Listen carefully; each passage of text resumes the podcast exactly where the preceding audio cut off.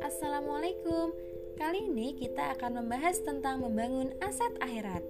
Percaya nggak orang kaya zaman sekarang itu kerjaannya cuma sedikit? Bahkan nggak kerja sama sekali mereka bisa menghasilkan uang. Kenapa bisa gitu ya? Jawabannya mudah kok.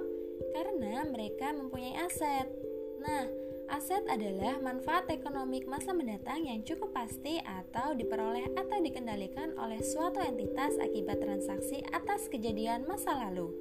Intinya sih, aset adalah sesuatu yang selalu bisa menghasilkan uang meskipun kita sedang tidur. Aset itu contohnya nih, kalau kita punya uang 100 juta, kemudian uang tersebut dijadikan modal untuk membangun kos-kosan. Jika banyak orang yang menyewa kosan kita, maka tanpa sekalipun kita bekerja, tapi uang tiap bulannya mengalir terus. Jadi, kosan itulah sebagai asetnya.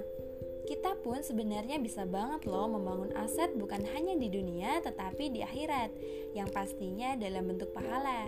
Caranya adalah dengan melakukan amal jariah.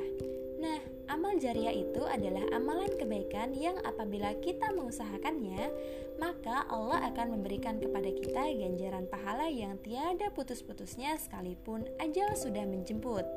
Contohnya nih, kita punya tanah yang luas.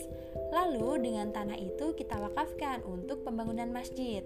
Setelah selesai dibangun, jika banyak masyarakat sering salat di sana, maka kita dapat komisi pahala dari Allah Subhanahu wa taala tanpa putus-putusnya sekalipun kita sudah meninggalkan dunia yang fana ini.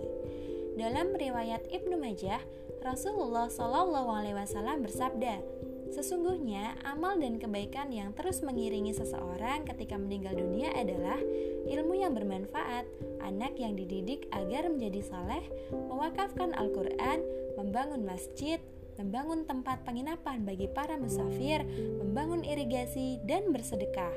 Hadis riwayat Ibnu Majah. Jadi sekarang, ayo kita mulai membangun aset akhirat. Wassalamualaikum.